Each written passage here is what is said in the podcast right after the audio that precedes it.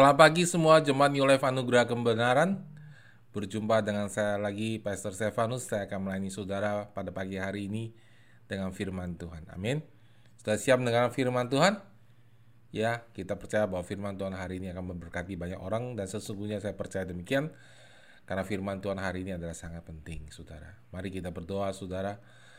Bapa di surga, berikan kami hati yang terbuka. Kami mau mendengar firman-Mu, Urapi telinga kami, supaya kami bisa mendengar dan mengerti Tuhan. Dan kami percaya Tuhan ketika kami mentaati firman-Mu, Engkau akan bekerja luar biasa dalam jemaat kami. Bahkan dalam hidup kami pribadi. Terima kasih Tuhan kami serahkan waktu ini ke dalam tangan-Mu.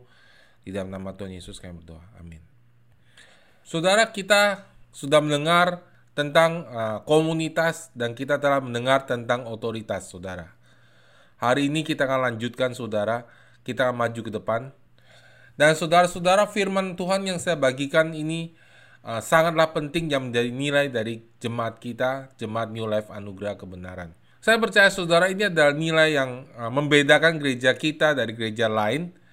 Dan uh, kalau kita benar-benar melakukan apa yang saya share hari ini, apa yang Tuhan taruh dalam hati saya hari ini, saya percaya saudara Tuhan akan membawa gereja kita menjadi sebuah gereja yang luar biasa, sudah menjadi berkat bagi orang lain bahkan menjadi berkat bagi kota dan bangsa. Amin, saudara.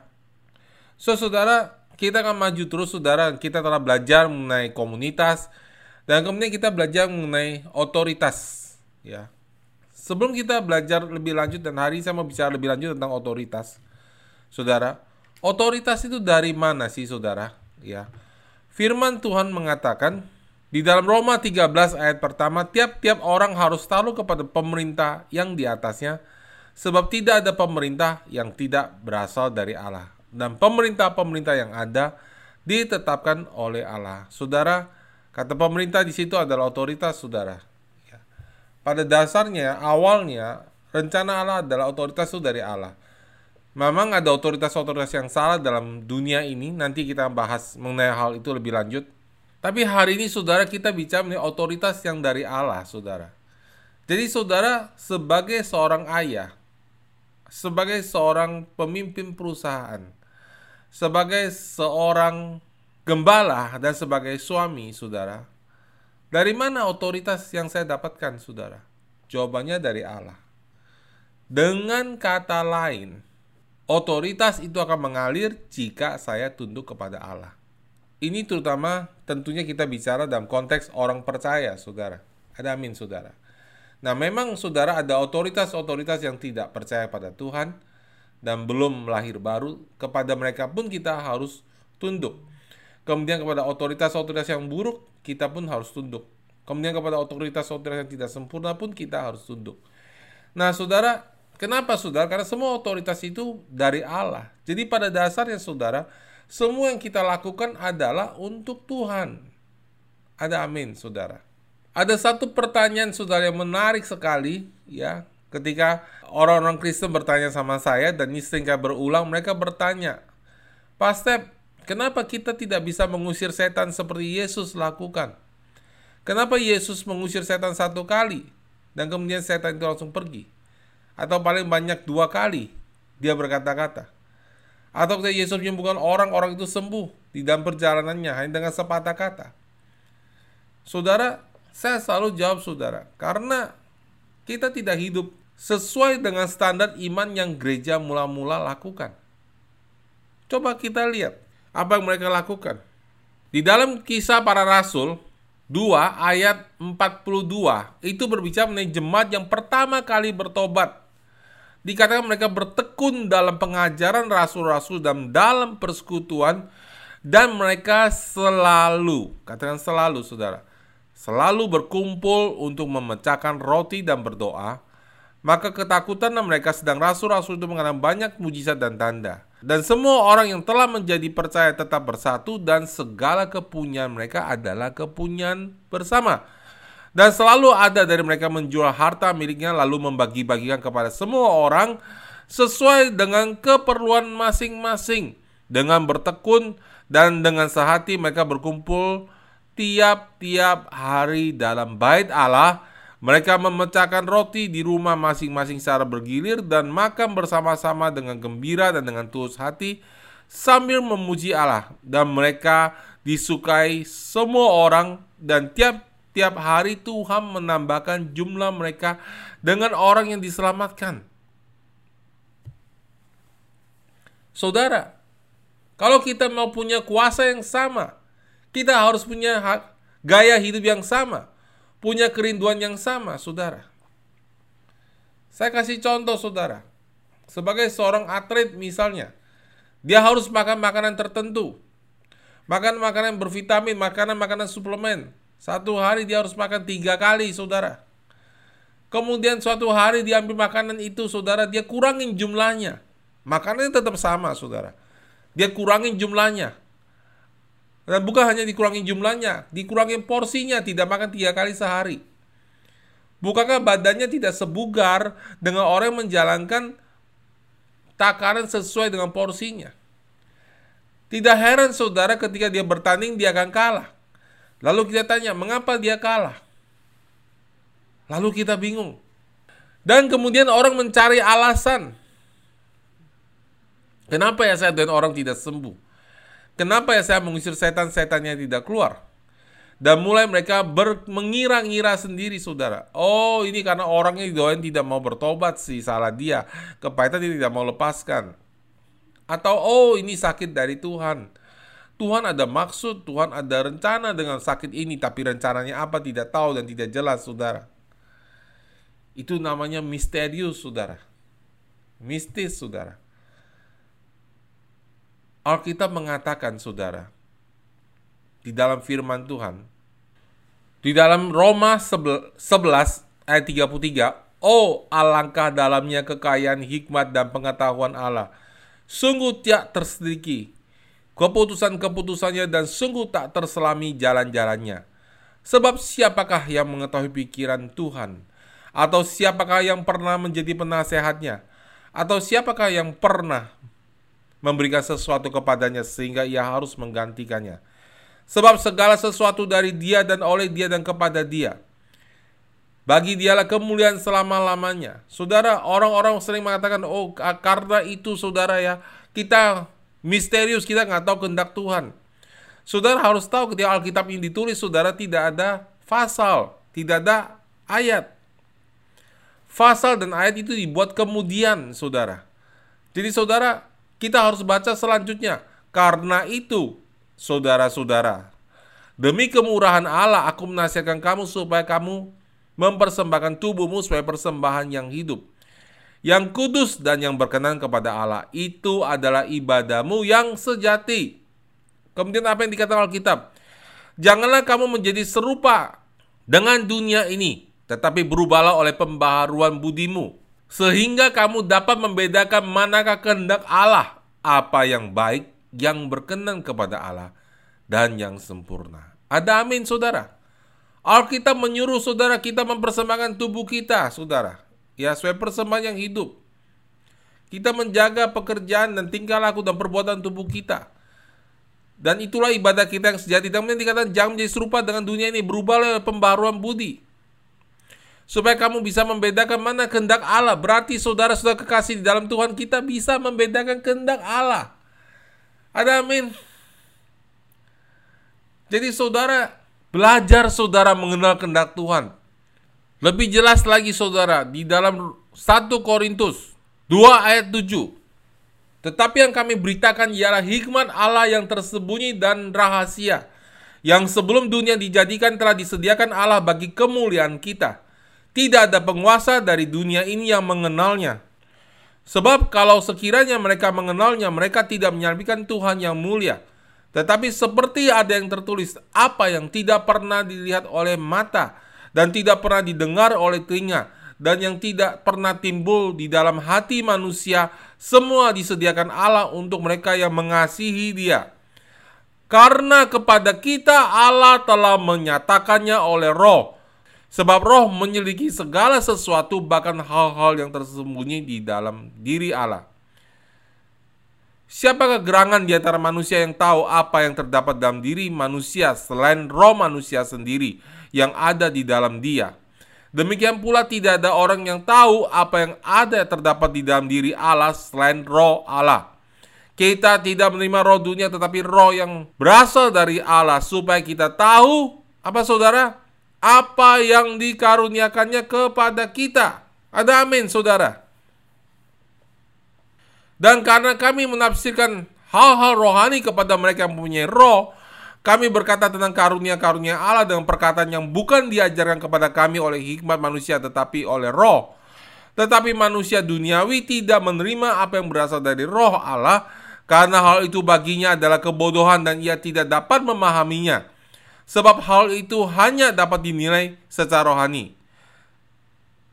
Tetapi manusia rohani menilai segala sesuatu, tetapi ia sendiri tidak dinilai oleh orang lain. Sebab Siapakah yang mengetahui pikiran Tuhan sehingga ia dapat menasihati dia? Tetapi saudara-saudara, kami memiliki pikiran Kristus. Jadi jelas sekali saudara dikatakan dalam firman Tuhan ini kalau saudara baca dan saudara perhatikan. Maksudnya firman Tuhan adalah saudara kita bisa tahu kehendak Allah. Kenapa saudara? Siapa yang tahu? Siapa yang bisa kenal saudara? Banyak orang bilang counseling gini. Pak Sam nggak ngerti perasaan saya. Tentulah saudara saya tidak mengerti perasaan saudara saya kan tidak mengerti roh saudara. Saya tidak bisa merasakan apa yang saudara rasakan. Halo, amin saudara. Bapak-bapak dan ibu-ibu yang kekasih dalam Tuhan, kau di counseling yang bilang, ah kamu kan tidak tahu perasaan saya, nggak ngalami apa yang saya alami. Saudara, kalau saudara datang ke dokter, dokter tidak harus sakit supaya dia bisa kasih saudara obat, bukan? Ada amin, saudara. Ya, apalagi roh saudara, tidak ada seorang pun mengerti saudara. Kalau saudara sedih itu untuk saudara sendiri. Kalau saudara suka cita adalah saudara sendiri yang mengerti. Tetapi saudara, sekalipun saudara tidak ada seorang pun yang mengerti saudara, tapi saudara bisa mengenal dan mengerti Allah. Kenapa saudara? Karena roh Allah tinggal di dalam diri saudara dan saya. Ada amin? Jadi saudara dan saya diciptakan oleh Allah untuk mengenal dia, untuk mengejar pengenalan akan Allah, untuk mengerti kehendak Tuhan. Jangan apa-apa bilang aku nggak ngerti kehendak Tuhan, terserah sama dia. Itu adalah kebodohan. Amin saudara. Paulus mengatakan di dalam Filipi mengatakan Filipi 3 ayat 10 katakan yang ku kehendaki ialah mengenal dia dan kuasa kebangkitannya dan dalam persekutuan dalam penderitaannya di mana aku menjadi serupa dengan dia dalam kematiannya supaya akhirnya aku beroleh kebangkitan dari antara orang mati. Bukan seolah-olah aku telah memperoleh hal ini atau telah sempurna, melainkan aku mengejarnya. Kalau-kalau aku dapat juga menangkapnya karena aku pun telah ditangkap oleh Kristus. Jadi saudara-saudara jelas sekali saudara, kerinduan setiap hati saudara, setiap bangsa saudara, setiap orang saudara adalah mengenal dan mencari Allah. Sebab dialah yang dinantikan oleh kita, dialah yang dibutuhkan dicari oleh semua orang. Cuma orang nggak tahu saudara. Mereka mencari ke makanan, mereka mencari ke jodoh, mereka mencari ke game, mereka mencari uang, mereka mencari semua, tapi mereka nggak tahu sesungguhnya Yesus Kristus ya lah yang mereka butuhkan, saudara, yang bisa mengisi kekosongan hati itu. Ada amin, saudara. Jadi saudara kita bisa mengenal kehendak Allah. Amin. Nah karena orang tidak berusaha mengejar kehendak Allah lalu mereka mulai macam-macam pengajarannya aneh-aneh mulai mengajarkan bahwa orang sakit karena kehendak Tuhan dan sebagainya. Masalahnya saudara saya tidak ketemu ayat Alkitab yang mengatakan Tuhan mengirim sakit penyakit untuk mendidik dan menghajar kamu di perjanjian baru tidak ada saudara. Tidak ada ayat mengatakan bahwa rencana Allah diwahyukan melalui sakit penyakit. Kalau gitu pertanyaan kenapa saudara kita tidak bisa seperti gereja mula-mula? Jawabannya saudara, karena kita tidak sungguh-sungguh seperti mereka. Tidak mula tidak mengerti bagaimana mengutamakan ketuhanan dalam hidup kita. Itulah ketuhanan Yesus Kristus. Mari kita baca firman Tuhan di dalam kisah para rasul 2 ayat 36. Jadi seluruh kaum Israel harus tahu dengan pasti bahwa Allah telah membuat Yesus yang kamu salibkan itu menjadi Tuhan dan Kristus. Ada amin saudara. Yesus harus menjadi Tuhan dan bukan hanya juru selamat dalam hidup kita. Ketika saya masih muda, ketika saya bertobat, ada satu buku judulnya Take Dominion. Menarik sekali, saudara. Di dalam buku itu dituliskan mengapa Amerika tidak berubah. Dan sudah tahu Amerika sekarang sedang semakin terpuruk. Dan ini kita perlu doakan, saudara. Mengapa Amerika tidak berubah padahal begitu banyak orang percaya di sana, begitu banyak orang yang lahir baru di sana, begitu banyak misionaris di sana. Karena di situ walaupun banyak orang percaya, mereka tidak menaruh Tuhan sebagai hal yang terutama dalam hidup mereka. Itulah ketuhanan Yesus Kristus. Saudara lihat gambar ini, lingkaran ini, saudara. Yang pertama, saudara kita lihat, saudara. Di sini ada takhta di dalam lingkaran itu adalah hati manusia. Dan di situ ada akunya, saudara. A adalah aku. Dan di luar Yesus ada di luar, saudara. Orang belum terima Tuhan dan belum diselamatkan. Kemudian suatu hari Yesus masuk ke dalam hati dia. Tapi Yesus, saudara, ditaruh di pojok hati dia. Dan aku tetap duduk di atas kursi. Apa yang terjadi, saudara? Yesus adalah juru selamatnya. Tapi Yesus bukan Tuhan dalam hidupnya. Yang ketiga, saudara, Yesus dia taruh di atas kursi. Yesus sekarang menjadi raja sungguh-sungguh dalam hidupnya. Dan saudara, dia ditaruh di bawah. Dia mengikuti, dia mengikuti setiap perintah Tuhan yang Tuhan taruh dalam hatinya. Itulah ketuhanan Yesus Kristus, saudara. Alkitab mengatakan kamu harus tahu dengan pasti bahwa Allah telah membuat dia menjadi Tuhan dan Mesias. Bukan saja diurapi, tapi dia adalah Tuhan. Tuhan dalam hidup kita. Ketika kita berdoa, saudara, di dalam kamar pribadi, kita datang pada dia sebagai anak yang datang kepada Bapak. Sudah pernah lihat di film-film saudara ketika pangeran datang kepada ayahnya tengah malam dan hubungan ayah dan anak itu sangat baik. Mereka datang, mereka pelukan, mereka ngobrol, saudara ya, antara orang tua dan anak. Mereka punya waktu bersama. Tetapi saudara ketika besok hari raja itu keluar perang, saudara. Anaknya itu saudara, nggak bisa pelukan sama dia. Dia harus berlutut sujud di depan sang raja. Karena mereka sedang dalam peperangan, saudara. Demikian juga prinsip ini berlaku dalam hidup kita sebagai anak-anak Tuhan. Ketika saudara datang kepada dia, sudah berdoa dan bermohon kepada dia, sudah datanglah sebagai anak. Tetapi di medan peperangan, saudara, ketika kita sedang mendoakan orang sakit, ketika kita sedang menginjil, dan ketika kita sedang melakukan pelayanan pelepasan, saudara harus tahu dia adalah Tuhan dalam hidup kita. Dia adalah Raja dalam hidup kita. Ketika kita harus mengambil keputusan penting dalam hidup kita, Ketika kita datang sujud beribadah kepada Dia, kita harus tahu Dia adalah Tuhan dalam hidup kita. Dia adalah Allah pencipta langit dan bumi. Nah, saudara, kalau kita tidak menghormati Dia, kita tidak mempercayai Dia dengan segenap hati seperti itu, saudara, kuasanya itu keluarnya sedikit demi sedikit dalam hidup orang Kristen. Kayak air, saudara, nggak, ada tekanan airnya, bocor gitu, saudara ya. Itu yang terjadi, saudara, ketika kita mendoakan, kita mendoakan orang sakit, kita mendoakan orang pelepasan, kita menginjil, kuasanya sedikit sekali. Coba saudara, kita bertanya pada diri kita saudara dengan jujur. Berapa banyak dari kita yang benar-benar membaca firman Tuhan setiap hari atau berdoa setiap hari? Berapa banyak makanan rohani yang kita makan setiap hari, saudara? Saya tahu sebagian tidak.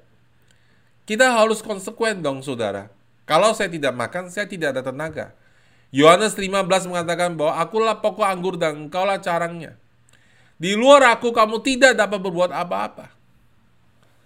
Seseorang yang tidak punya hubungan intim dengan Tuhan setiap hari, kuasanya sangat lemah.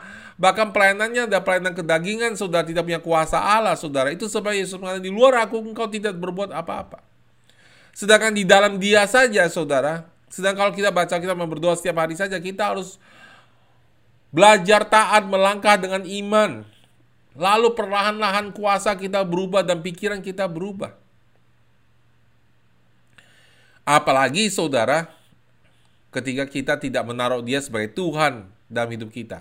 Tidak heran banyak orang Kristen punya masalah. Nah, saudara, memang hidup itu pasti punya masalah.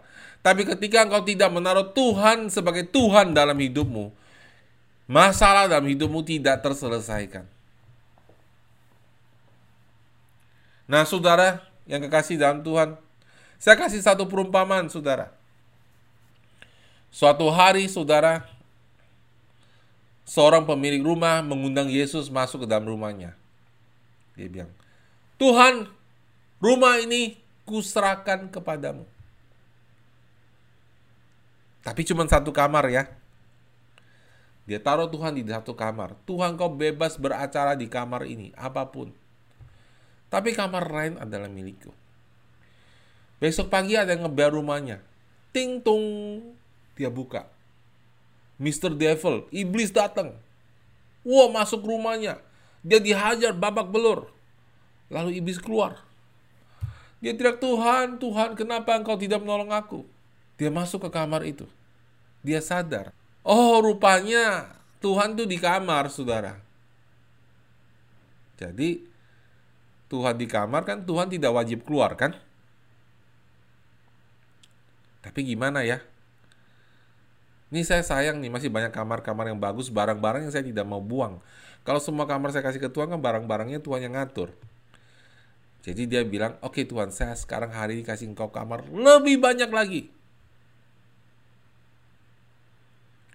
Setengahnya. Dan 10 kamar saya kasih 5. Besok pagi, iblis datang, ting tung. Dia buka pintu. Iblis masuk.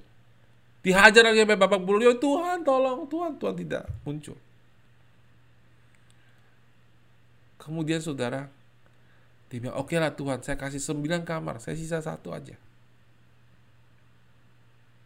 Iblis datang, ting tung, tetap dia buka kamar.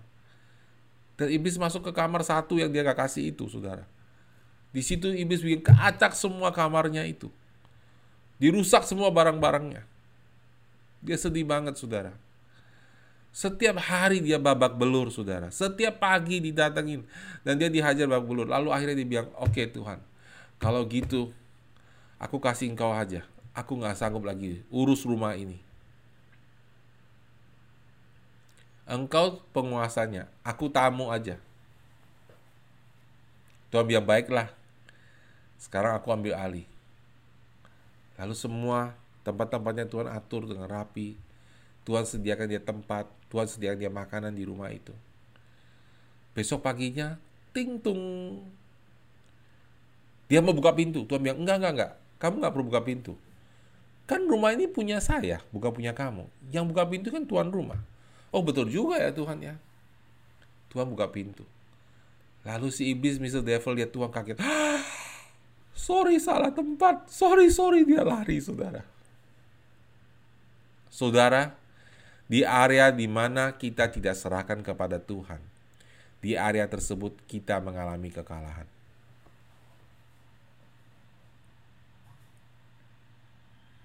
Ada amin, saudara. Saudara hebat menginjil, hebat memberitakan firman Tuhan, sudah hebat mendoakan orang sakit, tapi saudara tidak mau Tuhan atur siapa jadi pasangan hidupmu. Di situlah saudara kena, saudara. Dan saudara akhirnya merosot, saudara rohaninya. Ketika saya muda, saudara, dengar anak-anak muda yang kekasih dalam Tuhan. Teman-teman saya luar biasa, teman-temannya istri saya juga luar biasa mereka melayani Tuhan sampai hari pernikahan mereka. Cetek. Habis itu berubah. Kenapa saudara? Mereka memilih pasangan yang kadang-kadang bahkan orang percaya, tapi tidak punya panggilan dalam hidup mereka.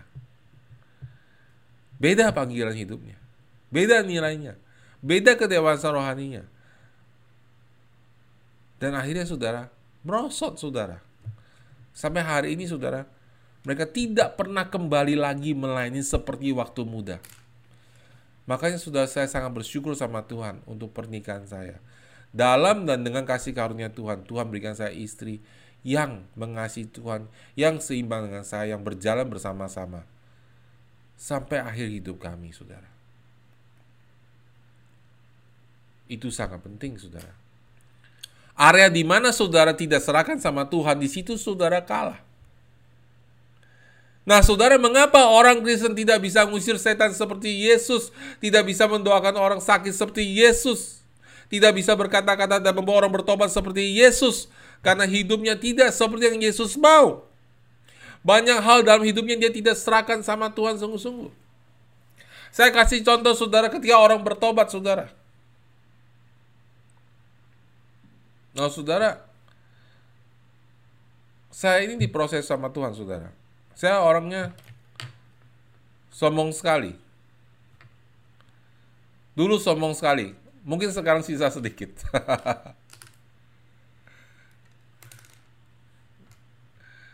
Tapi saudara, saya ini benar-benar sombong tuh dalam arti sudah tidak takut akan Tuhan.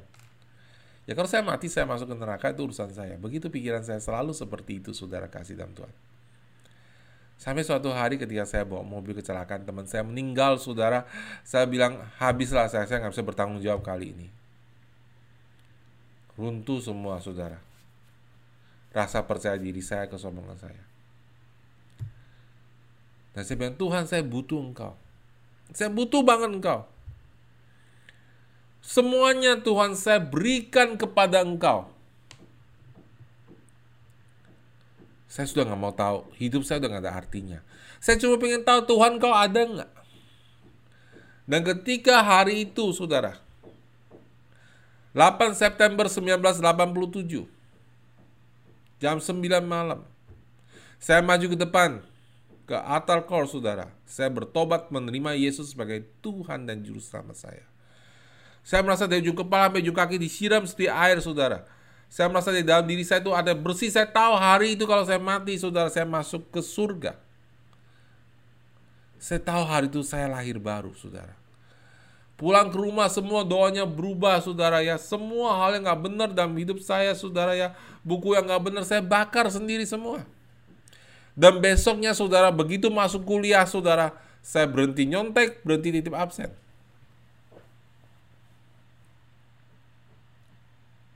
Sudah bertanya, kok perubahannya dahsyat banget? Dan tiap hari haus baca Alkitab dan berdoa. Kenapa perubahannya dahsyat banget, saudara? Karena ketika saya memberikan, saya memutuskan hari itu memberikan 100% untuk Tuhan. Nah, saudara ada orang yang lahir baru, tapi benar-benar lahir baru, saudara. Sudah dapat bahasa roh, tapi tidak yakin keselamatan. Kadang-kadang bahkan nggak yakin Tuhan itu ada, saudara. Patutnya berbahasa roh dan mengalami mujizat Tuhan. Kenapa saudara?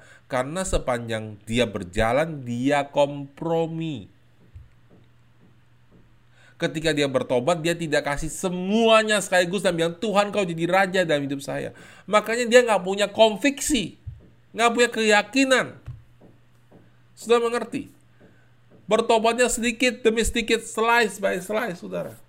Lambat sekali perjalanan rohaninya. Dan dunia mati menunggu saudara bertobat membuat Yesus sebagai Tuhan dalam hidup saudara. Karena sudah bukan menjadi orang Kristen yang sungguh-sungguh, dunia tidak ada kesaksian yang hidup. Dunia ini penuh dengan orang Kristen yang tidak panas dan tidak dingin. Saudara serius mau kuasa? Saudara serius mau dipakai Tuhan? Saya kasih tahu saudara, hari ini putuskan semua hidupmu diserahkan kepada Tuhan. Itulah ketuhanan Yesus Kristus. Ketika saya bertobat, dan banyak anak-anak muda yang bertobat pada zaman itu. Zaman itu gembala saya masih Pastor Erik, saudara. Kami diajarkan ketuhanan Yesus Kristus. Yesus itu Tuhan atau tidak sama sekali. Engkau harus terima dia 100% or not at all. Tuhan gak akan terima saudara orang yang memberikan hidupnya 90% bahkan 99% kepada dia. Dan detik anak-anak muda waktu itu zaman saya bertobat mereka sudah tahu segala sesuatu dalam hidup dia milik Tuhan mulai detik itu. Nggak ada kompromi, nggak ada main-main. Dengan anak muda, Kuasa Tuhan itu turun luar biasa. Dengar jemaat. Kuasa Tuhan itu turun luar biasa. Penginjilannya karena waktu kami kami hampir 90% lebih adalah anak-anak mahasiswa. Penginjilan di kampus, di kelas-kelas saudara. Pulang kelas saudara, pakai kampus saudara untuk nginjilin. Pakai kampus untuk sel grup. Di sana dilakukan pelayanan pelepasan. Orang yang lain pelepasan duduk di tangga sampai jatuh, saudara ya. Karena kita masih muda, nggak punya hikmat, saudara ya. Pelayanan pelepasan, saudara. Di sana pelayanan pelepasan. Di sana pelayanan, saudara, orang terima baptisan roh kudus.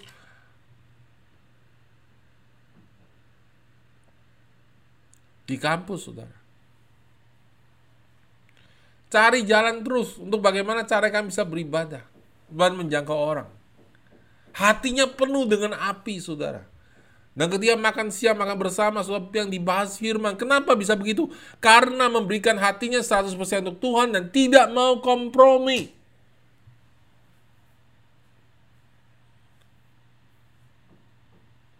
Halo. Ada amin, saudara. Ketika saya bilang saya tidak pacaran, artinya tidak pacaran.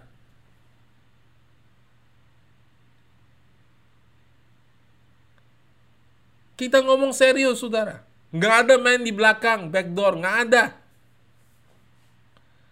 Saya serius, saudara.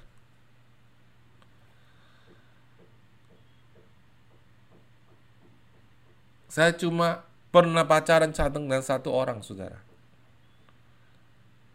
yang sekarang menjadi istri saya ini. Semoga itu bukan itu karena komitmen saya, bukan karena saya nggak laku ya. Tapi sungguh saudara, saya tidak pernah mau main-main di situ. Saya tahu saya lagi cari istri, bukan cari piala. Saya cari teman hidup, sumur hidup untuk berjalan bersama dengan saya. Busian juga pilih suami standarnya tinggi. Harus cinta Tuhan. Harus uh, mau bayar harga. Wah, pokoknya makin lama makin kecil saudara ya, makin susah dapatnya.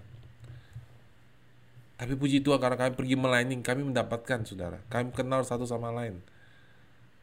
Dan Tuhan menyatukan kami, saudara. Tuhan memberkati pernikahan kami.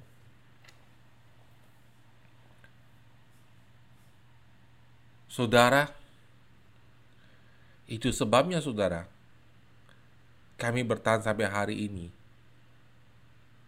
Sudah 25 tahun kami menikah.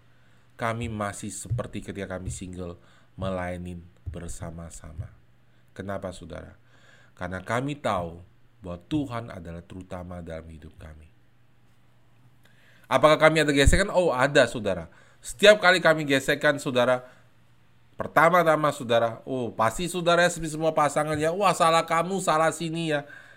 Tapi sudah tahu, dalam hati kami, kami selalu cek sama Tuhan.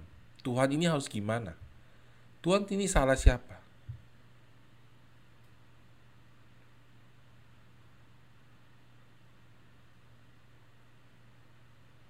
Dalam hati kita ngomong seperti itu.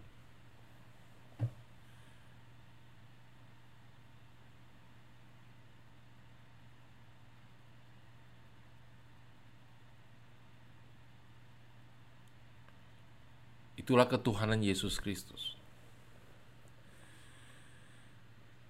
So, hubungan saya dengan Tuhan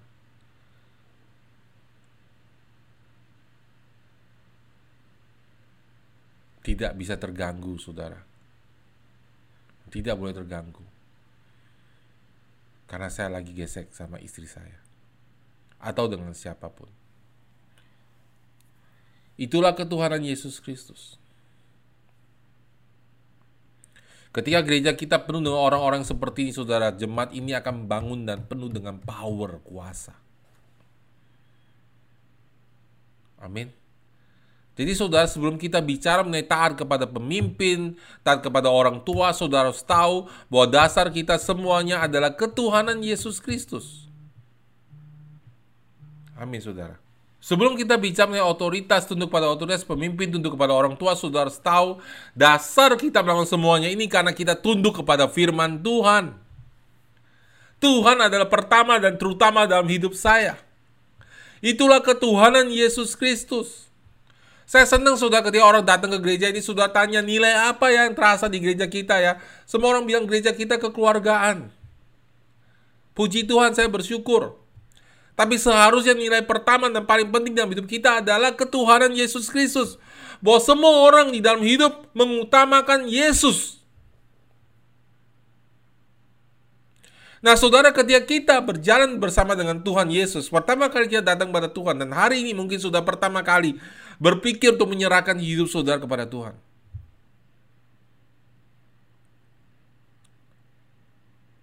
Mungkin saudara sudah percaya tapi sudah nggak pernah berpikir. Sudah men, ah ini soal keuangan saya pegang lah soal ini saya pegang lah yang ini. Saya nggak mau tahu. Saudara adalah waktunya. Sudah kalau sudah mau hidup sudah dipakai Tuhan, sudah mau merasakan setiap janji Tuhan di tanah Kanaan, saudara, di mana saudara diburapi dan diberkati luar biasa, saudara harus menjadikan dia yang Tuhan dan yang terutama dalam hidup saudara. Saya mau kasih tahu saudara kalau ada khotbah bahwa sudah diberkati tapi saudara tidak perlu menjadikan dia sebagai yang terutama dalam hidup saudara, itu bohong saudara, tidak mungkin terjadi sampai sudah menaruh dia yang terjadi yang terutama dalam hidup saudara.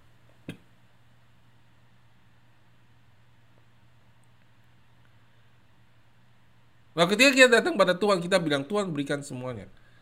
Saya seperti itu saudara, waktu muda saya datang Tuhan, saya berikan semuanya. Maka saya heran sudah kalau lihat ada anak muda bertobatnya sway gitu ya. Kenapa saudara? Dia nggak beresin, nggak tuntasin. Sudah Tuhan, saya capek sama dosa. Dosa adalah dosa dan saya tidak mau kompromi sama dosa. That's it. I want to give my life to you. I don't care.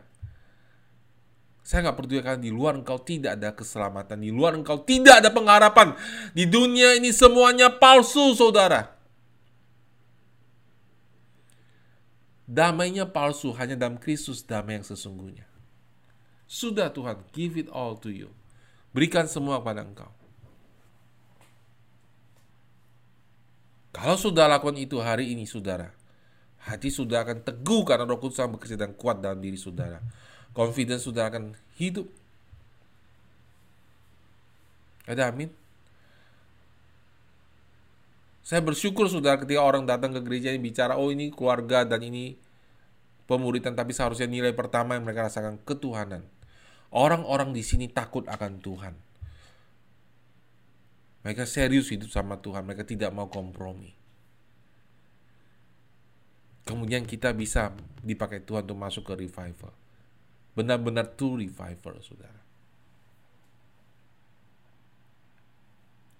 Tuhan perlu mencari orang yang cukup gila sama dia. Yang berani memberikan semuanya pada dia. Yang akan dia pakai untuk merubah dunia ini. Jika dunia tidak melihat orang Kristen yang cukup gila untuk percaya sama dia. Dunia bilang, emangnya saya gila mau percaya sama Yesus kalau kamu sendiri tidak sungguh-sungguh sama dia. No. Makanya saudara banyak teman-teman di tempat kerja kita, sekolah kita tidak percaya sama Yesus. Kenapa? Karena kita hidupnya asal-asalan seperti mereka. Nggak ada yang spesial. Nggak pernah menginjil. Nggak pernah beritakan Injil. Hmm, nggak bisa ngomong, Pak. Tapi kalau jualan pinter. Kalau bersahabat pinter. Kalau kepahitan sebaring gosip pinter temannya banyak tapi nggak bisa memberikan firman Tuhan. Kenapa saudara? Karena belum pernah satu kali untuk selamanya memberikan seluruh hidupnya kepada Tuhan. Jika sudah berikan semuanya pada Tuhan, urapan Tuhan akan turun. Nah saudara, ketika kita memberikan hidup kita seluruhnya pada Tuhan, saudara, Tuhan tidak langsung ambil semuanya. Tapi kita sudah memutuskan Tuhan ini sertifikat hatiku milik engkau nih tanah semuanya. Nah hati kita tuh speak covering tanah. Ada benteng-bentengnya saudara.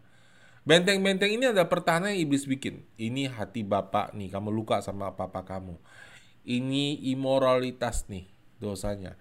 Ini keuangan. Ini rasa takut. Ini rasa minder.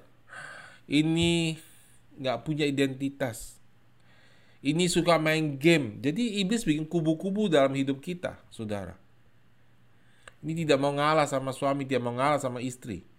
Sombong. Satu persatu kubu-kubu itu akan dicopot sama Tuhan, tapi tidak sekaligus, saudara. kita memberikan sertifikat sama Tuhan. Ini Tuhan tanah dalam hidup saya. Ini tanah itu adalah hati saya. Saya berikan kepada Tuhan. Dan kemudian Tuhan akan ambil satu persatu.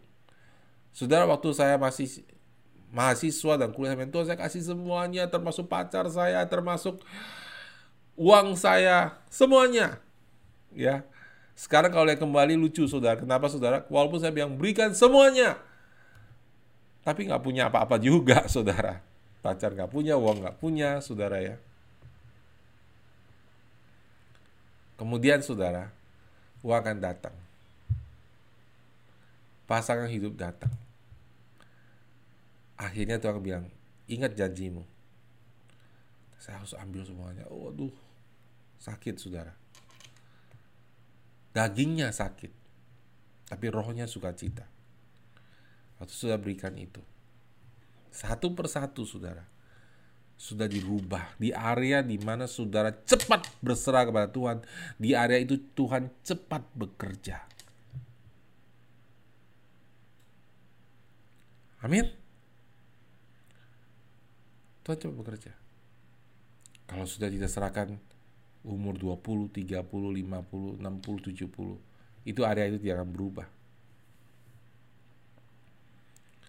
Nah, saya tidak mau mati di padang gurun seperti orang Israel berkeliling muter-muter di masalah itu aja. Saya kepahitan sama dia, kak kepahitan sama dia. Ya emang kepahitan sih, saya kepahitan sama istri saya, kepahitan sama suami saya, kepahitan sama papa saya. Tapi kan saudara, Tuhan bilang saya harus mengampuni. Ada amin saudara. Bagaimana sih saudara, apa sih apa ketuhanan itu dalam hidup sehari-hari? Nomor satu saudara, Saya taat pada firman Tuhan. Ada amin. Buka Alkitab. Tunjukkan saya ayatnya. Dan kita harus taat, saudara. Firman Tuhan mengatakan, karena itu pergilah. Jadikan semua bangsa muridku dan baptislah mereka dalam nama Bapa dan Anak dan Roh Kudus dan ajarlah mereka melakukan segala sesuatu yang telah kuperintahkan kepadamu. Dan ketahuilah aku menyertai kamu senantiasa sampai kepada akhir zaman. Saudara ini perintah sama siapa saudara? Perintah kepada pendeta kah? Kepada gembala kah? Kepada pester kah? Kepada ibu-ibu kah? Anak muda saja kah? Tidak. Kepada semua orang percaya.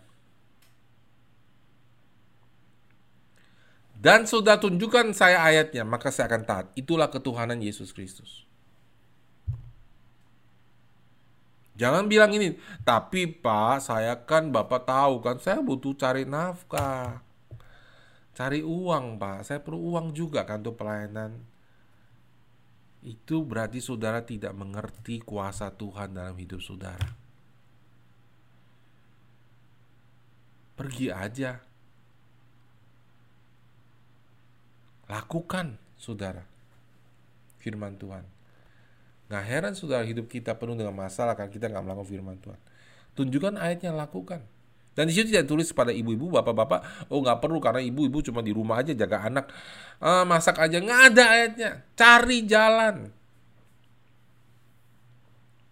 Amin, saudara. Saya orang nggak pintar menginjil, saudara. Saya benar nggak pintar, saudara.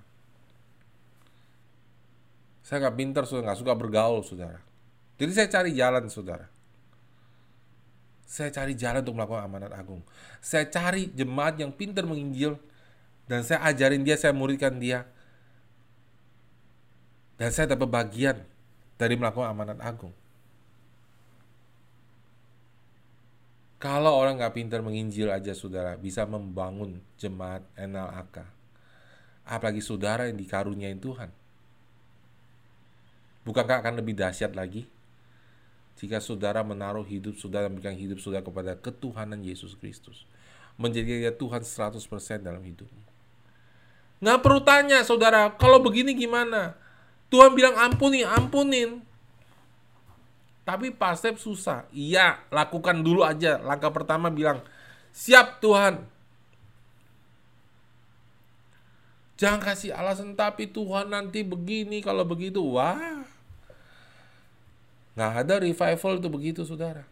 Kenapa kamu pergi? Um, aku nggak pingin, nggak pinter ngomong. Belajar. Buka mulut pertama kali, cari. Tuhan, aku minder, aku nggak bisa menginjil.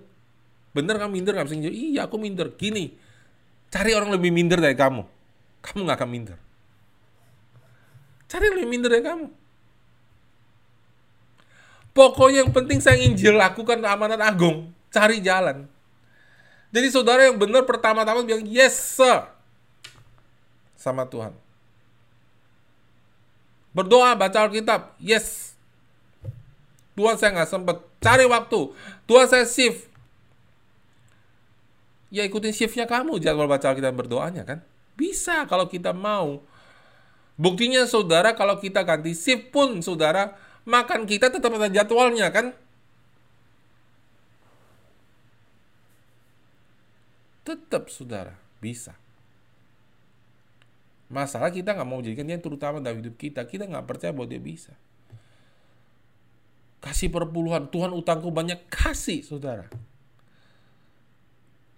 Percaya sama Tuhan. Kalau nggak punya mujizat keuangan dari mana sudah bisa percaya menjadi misionaris dipakai sama dia? Kalau sudah nggak percaya bahwa Tuhan bisa mencukupi kebutuhanmu.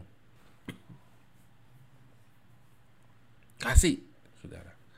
Belajar percaya melakukan iman. Jangan bantah dulu. Nurut dulu. Nah, nanti baru nanya. Hikmatnya gimana? Pergi dulu aja.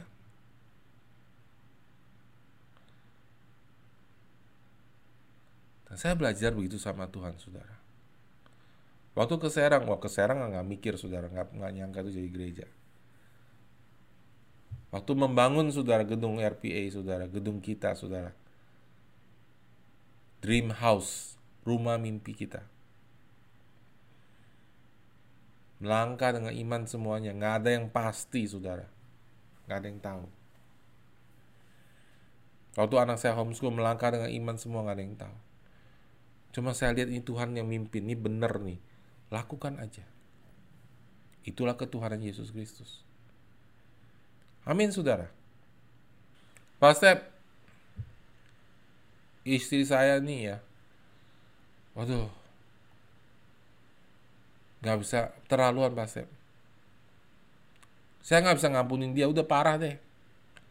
Lalu saya buka ayat, katakan begini, di dalam Efesus 5 ayat 25. Hai suami kasihlah istrimu sebagaimana Kristus telah mengasihi jemaat dan telah menyerahkan dirinya untuk menguduskannya sesudah menyucikannya dan mem dengan memandikan dengan air dan firman supaya dengan demikian menjadikan jemaatnya di hadapan dirinya dengan cemerlang tanpa cacat atau kerut atau serupa itu. Tetapi supaya jemaat kudus dan tidak bercela. Demikian juga suami harus mengasihi istrinya seperti tubuhnya sendiri. Siapa yang mengasihi istrinya, mengasihi dirinya sendiri. Saya buka ayat itu dan saya bilang, suami, kamu harus mengasihi istrimu. Kamu harus ajarin firman seperti Yesus lakukan terhadap jemaatnya. Mengasihi dia seperti mengasihi dirimu sendiri. Kasih contoh, mimpin doa. Jangan istri yang mimpin doa. Baca Alkitab. Kasih arah kepada istrimu. Punya waktu sama anak. Kalau orang nggak punya ketuhanan, pasti saya nggak pinter bicara, saya nggak punya waktu. Saya mendingan ke warung main sama teman-teman, saya nggak bisa. Sih. Kalau orang nggak punya ketuhanan, saudara, jemaatnya nggak maju-maju, lambat jalannya, saudara. Pertumbuhan rohaninya lambat jalannya, saudara, dan akhirnya seluruh jemaat terkepengaruh, komunitas terkepengaruh. Tapi orang yang punya ketuhanan akan bilang gini, yes sir, saya akan lakukan. Baru telepon saya nanti berapa hari. Pak Sep, aku susah banget ya mau cerita Alkitab. Ajarin dong. Nah itu punya ketuhanan namanya. Saya mau ikut Tuhan. Ada amin saudara. Lain kali saudara kalau pemimpin saya saudara atau pastor saudara menegur saudara dan buka ayat firman Tuhan bilang yes sir. Karena saya bukan hanya taat pada pemimpin saya tapi saya takut kepada firman Tuhan. Itulah ketuhanan Yesus Kristus. Wow, kalau seperti itu saudara roh Allah akan turun dengan dahsyat dengan tengah kita.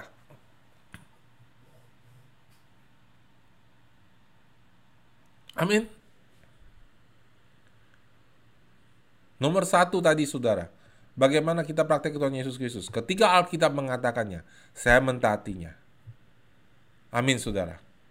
Nomor dua saudara, saya punya hati yang mau bertobat. Saudara tahu apa apa itu artinya bertobat begini saudara. Ketika saya berbuat salah sama Tuhan, saya datang kepada Tuhan, Tuhan Aku bersalah terhadap engkau dan hadap ternyata kepada engkau saja aku bersalah. Tuhan jangan ambil hadiratmu dari aku. Aku tetap mau masuk panggilan hidupku. Tuhan ampuni aku. Aku yang bersalah. Bukan dia, bukan dia, bukan dia. Karena aku, terutama. Karena bagiku hubungan dengan engkau di atas segalanya. Itu namanya takut akan Tuhan, bukan takut akan manusia. Kita lihat Saul, saudara. Kita lihat, saudara, pasal di 1 Samuel 15, saudara. Berkatalah Samuel kepada Saul, Aku telah diutus oleh Tuhan untuk mengurapi engkau menjadi raja atas Israel, umatnya. Oleh sebab itu, dengarkanlah firman Tuhan. Beginilah firman Tuhan semesta alam. Aku akan membalas apa yang dilakukan orang Amalek kepada orang Israel karena orang Amalek menghalang-halangi mereka ketika orang Israel pergi dari Mesir. Jadi pergilah sekarang, kalahkanlah orang Amalek, tumpaslah segala yang ada padanya dan janganlah ada belas kasihan kepadanya. Bunuhlah semuanya laki-laki maupun perempuan, kanak-kanak maupun anak-anak yang menyusu, lembu maupun domba, unta maupun keledai. Lalu Saul memanggil rakyat berkumpul dan memeriksa barisan mereka di Telaim. Ada 200 ribu orang pasukan berjalan kaki dan 10 ribu orang Yehuda. Setelah Saul sampai ke kota orang Amalek, disuruhlah orang-orang menghadang di lembah.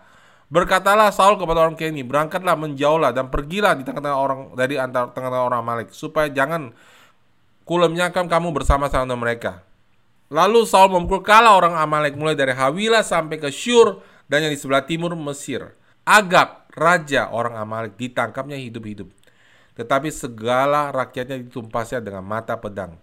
Tetapi Saul dan rakyat itu menyelamatkan agak dan kambing dan domba, lembu yang terbaik dan tambun.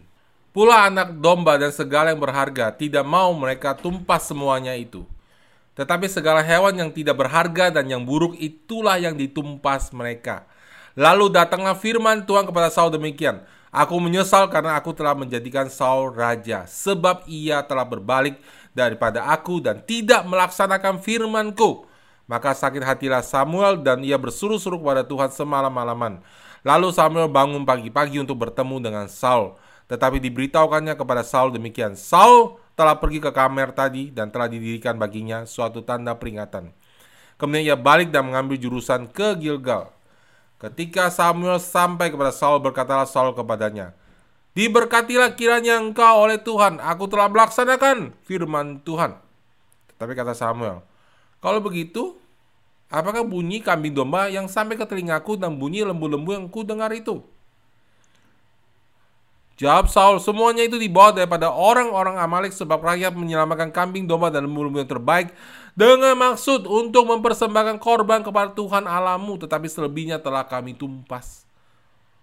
Lalu berkatalah Samuel kepada Saul, Sudahlah, aku akan beritahu kepada kamu apa yang difirman Tuhan kepadaku tadi malam. Kata Saul kepadanya, katakanlah, sesudah itu berkatalah Samuel, bukankah engkau, walaupun engkau sangat kecil, pada pemandanganmu sendiri, telah menjadi kepala atas suku-suku Israel. Dan bukankah Tuhan telah mengurapi engkau menjadi raja atas Israel? Tuhan telah menyuruh engkau pergi dengan pesan, Pergilah tumpaslah orang berdosa itu, yakni orang Amalek, dan berperanglah melawan mereka sampai engkau membinasakan mereka. Mengapa engkau tidak mendengarkan suara Tuhan? Mengapa engkau mengambil jarah dan melakukan apa yang jahat di mata Tuhan? Lalu kata Saul kepada Samuel, Aku telah mendengar suara Tuhan dan mengikuti jalan yang telah disuruh Tuhan kepadaku. Dan aku membawa Agak, raja orang Amalek. Tetapi orang Amalek itu sendiri telah kutumpas. Tetapi rakyat mengambil dari jarahan kambing domba dan lembu-lembu yang terbaik dari yang dikhususkan untuk ditumpas. Itu untuk mempersembahkan kepada korban kepada Tuhan Allahmu di Gilgal. Tetapi jawab Samuel, apakah Tuhan itu berkenan kepada korban bakaran dan korban sembelihan sama sih mendengarkan suara Tuhan? Sesungguhnya mendengarkan lebih baik daripada korban sembelihan, memperhatikan lebih baik daripada dom, lemak domba-domba jantan. Sebab pendurhakaan adalah sama dengan dosa bertenung dan kedegilan adalah sama si dosa menyembah berhala dan terafim. Karena engkau telah menolak firman Tuhan, maka ia telah menolak engkau sebagai raja. Berkatalah Saul kepada Samuel, Aku telah berdosa, sebab telah kulangkahi titah Tuhan dan perkataanmu. Tetapi aku takut kepada rakyat, karena itu aku mengabulkan permintaan mereka. Maka sekarang ampunilah kira dosaku, kembali bersama-sama dengan aku, maka aku akan sujud menyembah Tuhan. Tapi jawab Samuel kepada Saul, aku tidak akan kembali bersama-sama dengan engkau, sebab engkau telah menolak firman Tuhan. Sebab itu Tuhan telah menolak engkau sebagai raja atas Israel. Ketika Samuel berpaling hendak pergi, maka Saul memegang puncak jubah Samuel, tetapi terkoyak. Berkatalah Samuel kepadanya, Tuhan telah mengoyakkan daripadamu jabatan raja atas Israel pada hari ini, dan telah memberikannya kepada orang lain yang lebih baik daripadamu. Lagi pula sang mulia dari Israel tidak berdusta dan ia tidak tahu menyesal sebab ia bukan manusia yang harus menyesal. Tetapi kata Saul, aku telah berdosa. Tetapi tunjukkanlah juga hormatku kepadaku di sekarang di depan para tua-tua bangsaku di depan tu, dan di depan orang Israel. Kembali bersama-sama dengan aku, maka aku akan sujud menyembah kepada Tuhan Allahmu. Sesudah itu kembalilah Samuel mengikuti Saul dan Saul menyembah sujud menyembah kepada Tuhan.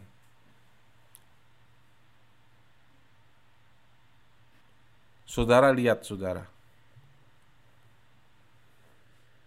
Ini masalah Saul, saudara. Takut akan manusia. Ketatnya, ketatnya setengah-setengah. Udah jelas perintahnya korbannya binasakan semua. Waktu Samuel datang nih bilang, aku sudah taat, salam. Loh, itu suara kami domba dari mana? Oh itu buat Tuhan loh. Tadi Tuhan suruh kan untuk kamu lakukan ini. Bunuh semuanya. Kenapa sih kamu sekarang nggak menjangkau? Kamu kerja karena saya kerja buat Tuhan. Pada Tuhan lagi perintah kamu hari ini kau harus menjangkau. Alasannya banyak. Ditukar. Tuhan bilang kasih perpuluhan. Oh nggak bisa Tuhan, tapi saya melayani kok. Si kompromi. Itu yang Saul lakukan saudara. Dan cara bertobatnya saudara bertahap. Itu suara kambing domba. Oh. Terus itu agak nggak bunuh. Oh. Nggak ada pertobatan. Kembalilah bersama aku. Kita nyembah Tuhan. Samuel nggak mau pergi. Dipegang jubahnya, robek. Lalu akhirnya Saul memunculkan wajah aslinya. Kembalilah bersama aku supaya aku ini punya muka dihormati oleh orang-orang. Nanti penatu aku ngomong apa? Kalau ketahuan aku berbuat salah, mukaku di mana?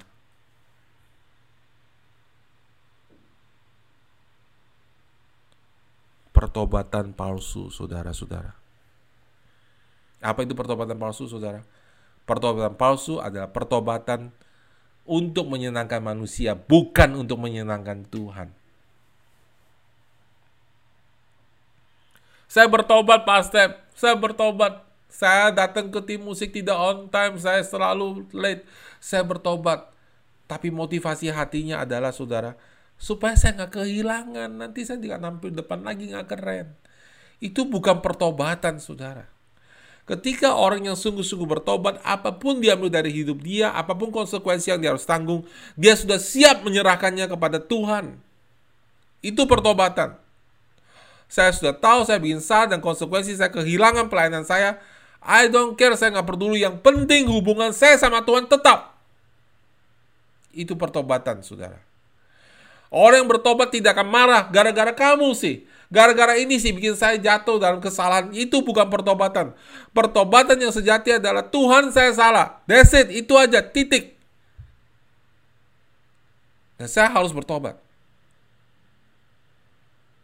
Berbalik hatinya. Oh, gak enak Pak, nanti orang ngomong apa? Peduli amat orang ngomong apa. Yang penting sekarang Tuhan ngomong apa. Itu ketuhanan Yesus Kristus. Itu pertobatan yang benar.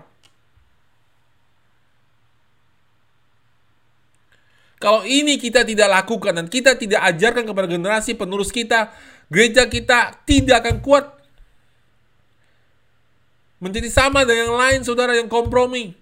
Kalau kita mau berdiri bagi bangsa ini, kalau kita mau berdiri buat negara ini, kalau kita mau berdiri buat dunia ini, supaya dunia ini mengalami kemuliaan Tuhan. Hidup kita tidak bisa dikompromikan. Menikah dengan siapa itu tidak bisa dikompromikan. Kekudusan itu tidak bisa dikompromikan. Membaca firman, mendengarkan suara Tuhan tidak bisa dikompromikan. Hidup menati firman Tuhan tidak bisa dikompromikan. Saudara, begitu banyak orang Kristen mendengar khotbah sana, khotbah sini, khotbahnya sampai bosan, banyak semuanya dengar. Tapi suatu hal sudah dunia tidak berubah. Kenapa? Karena hanya dengar, dengar, dengar dan tidak melakukan satu langkah pun.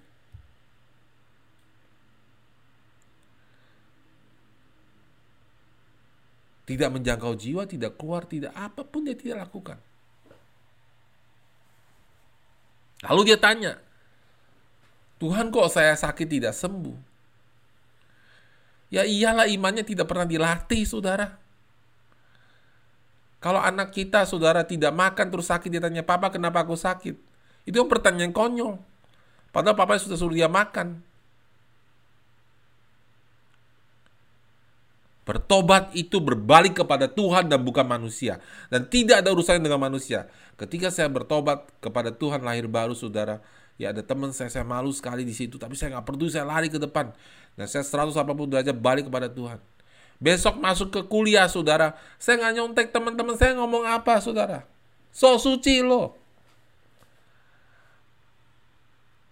I don't care, saya nggak peduli, saya perlu Tuhan teman saya kalau saya baikin dia, dia tidak bisa menyelamatkan saya. Dia tidak bisa rubah hidup saya. I don't care. Dia mau bilang saya pendeta kek. Itu memang nubuatan saya jadi pastor, saudara. Sebodoh. Saya undang teman saya datang ke gereja. Dia bilang, Eh, hey, anak Tuhan. Gitu, ngejek saya, saudara. Waktu saya share jabat tangan sama dia sebagai, sebagai asyir. Dalam hati saya bilang, saya anak Tuhan berarti dia anak hantu dong.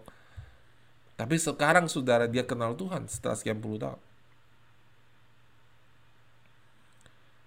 Jangan kompromi, saudara. Dunia melihat saudara. Tuhan akan bekerja pakai alatnya, saudara. Ada amin, saudara. Beda sama Daud, saudara. Kita lihat Daud.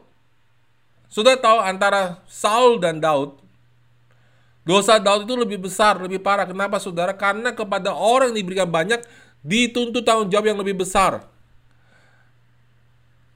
Urapan daripada Saul adalah urapan sebagai raja. Itu sebabnya dia tidak boleh memberikan persembahan kepada Allah. Karena pada zaman itu ada urapan raja, iman, dan nabi. Dan Saul cuma punya urapan sebagai raja. Dia tidak boleh mempersembahkan kepada Allah. Tapi Daud sudah saya baca di Alkitab, Daud mempersembahkan kepada Allah. Daud urapannya imam, raja, dan nabi. Dia bernubuat, saudara. Dia bermasmur bernubuat. Tiga urapannya, luar biasa, saudara. Karunianya, karunia karunia rohaninya. Tapi saudara Daud berbuat dosa. Dia mengambil istri bawahannya dan dia biarkan suaminya mati dalam perang. Supaya dia bisa resmi menikahi istri orang lain.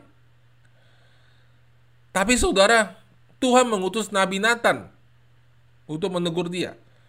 Saudara baca di dalam 2 Samuel 12.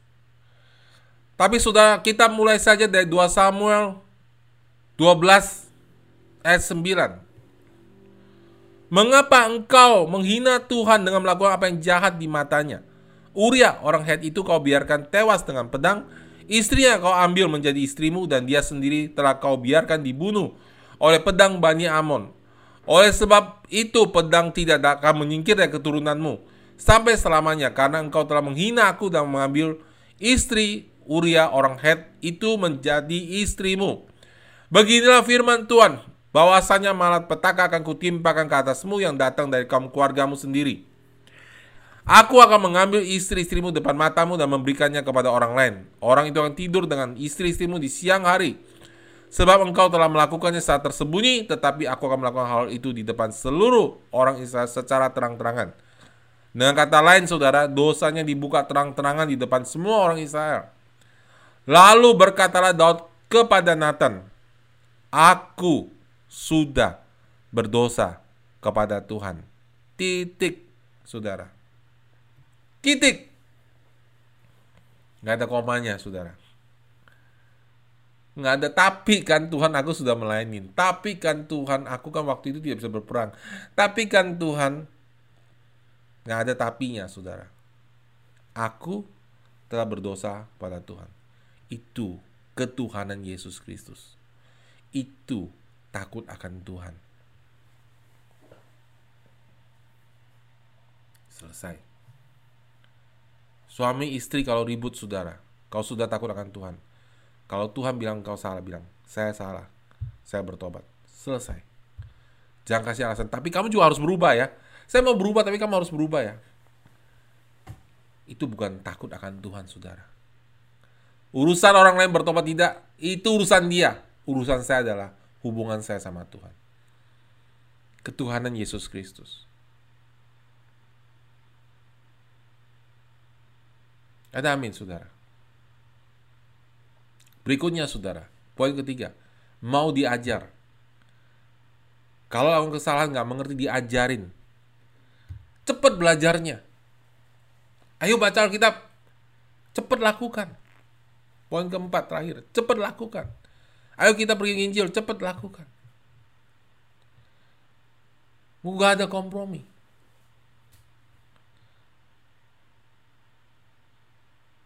Kalau orang tua harus punya waktu sama Tuhan dan setelah itu punya waktu sama anak, lakukan. Kalau seorang ayah, seorang suami harus punya menjadi imam dalam keluarganya, jadi raja, lakukan saudara-saudara. Para suami yang mendengar saat mendengarkan firman Tuhan, kalau saudara lakukan keluarga saudara akan diberkati secara luar biasa. Lakukan, ambil tindakan sebagai pemimpin, sebagai imam dalam keluargamu. Jangan kasih alasan, saya nggak pinter, saya nggak bisa. Semua juga harus belajar. Tapi kita akan dibantu, akan ditolong oleh Roh Kudus. Ketika ketika kita memutuskan untuk melangkah dengan iman pertolongan itu datang ketika kita sudah melangkah dengan iman, bukan sebelumnya penyediaan dari Tuhan itu datang setelah kita taat dengan iman. Tuhan akan bukakan pintu buat kita semua dan sehingga hidup saya dan hidup saudara diubahkan.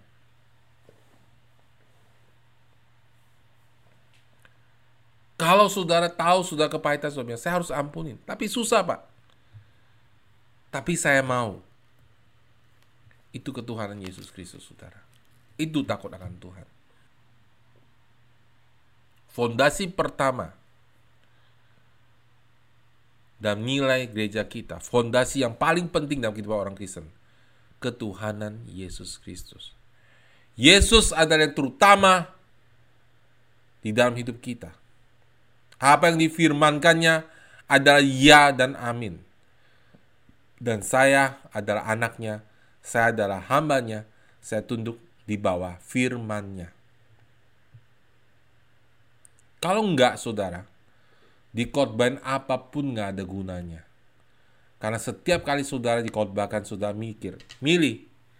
Ini dilakukan, ini nggak bisa, yang ini bisa. Ini kan saya ibu rumah tangga, Pak, nggak bisa saya. Nggak bisa saya ini, nginjil, nggak bisa gembalakan. Ini, Pastor, aku belum nikah nih. Nggak bisa nih nginjilin keluarga. Pak, aku belum punya uang Pelayanan kan juga butuh uang. Wah, alasannya banyak, saudara. Saudara, pelayanan butuh urapan. Urapan membuat penyediaan Allah menyertai saudara, bukan sebaliknya. Ada amin, saudara. Ada amin. Mari kita tunduk kepada Tuhan Yesus Kristus. Mari kita menjadi gereja yang takut akan Tuhan. Mari kita hormati Tuhan. Mari waktu kita kebaktian nanti ketika kita bisa kebaktian tatap muka datangnya tepat waktu karena kita menghormati Tuhan. Oh Pak anak saya susah, atur. Karena Tuhan yang terutama. Nanti Tuhan kasih jalan saudara. Nanti Tuhan kasih hikmat kau saudara dan saya belajar taat. Ada amin saudara. Ketika jemaat ini mengerti apa itu ketuhanan Yesus Kristus dan hidup di dalamnya, dan kita hidup dalam takut akan Tuhan seperti ini, saudara. Semua yang diajarkan cepat diserap, dan saudara kebangunan rohani sebentar lagi akan terjadi. Amin. Mari kita berdoa. Bapa di surga,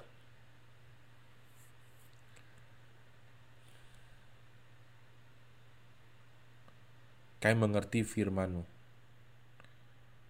Engkau adalah Tuhan atau tidak sama sekali dalam hidup kami. Tapi kami tahu kami nggak mungkin bisa berjalan sendiri tanpa kekuatan dari Engkau. Karena itu kami mau Engkau jadi Tuhan dalam hidup kami. Bapa di surga, hari ini, kami mau serahkan, kami memutuskan mau menyerahkan 100% hidup kami, masa depan kami. Nggak ada kompromi. Karena kami rindu dipakai oleh Engkau. Kalau itu saudara, katakan amin. Kalau itu sudah katakan amin, saudara. Katakan amin di tempat saudara. Biar Tuhan menjamah engkau saat ini. Waktu engkau menyerahkan kepada Tuhan, sudah tahu ada beban yang besar terangkat. Ada rasa khawatir dan takut yang besar terangkat dari hidup saudara. Tuhan jamah Tuhan setiap orang. Terima kasih Tuhan. Dalam nama Tuhan Yesus kami berdoa. Amin.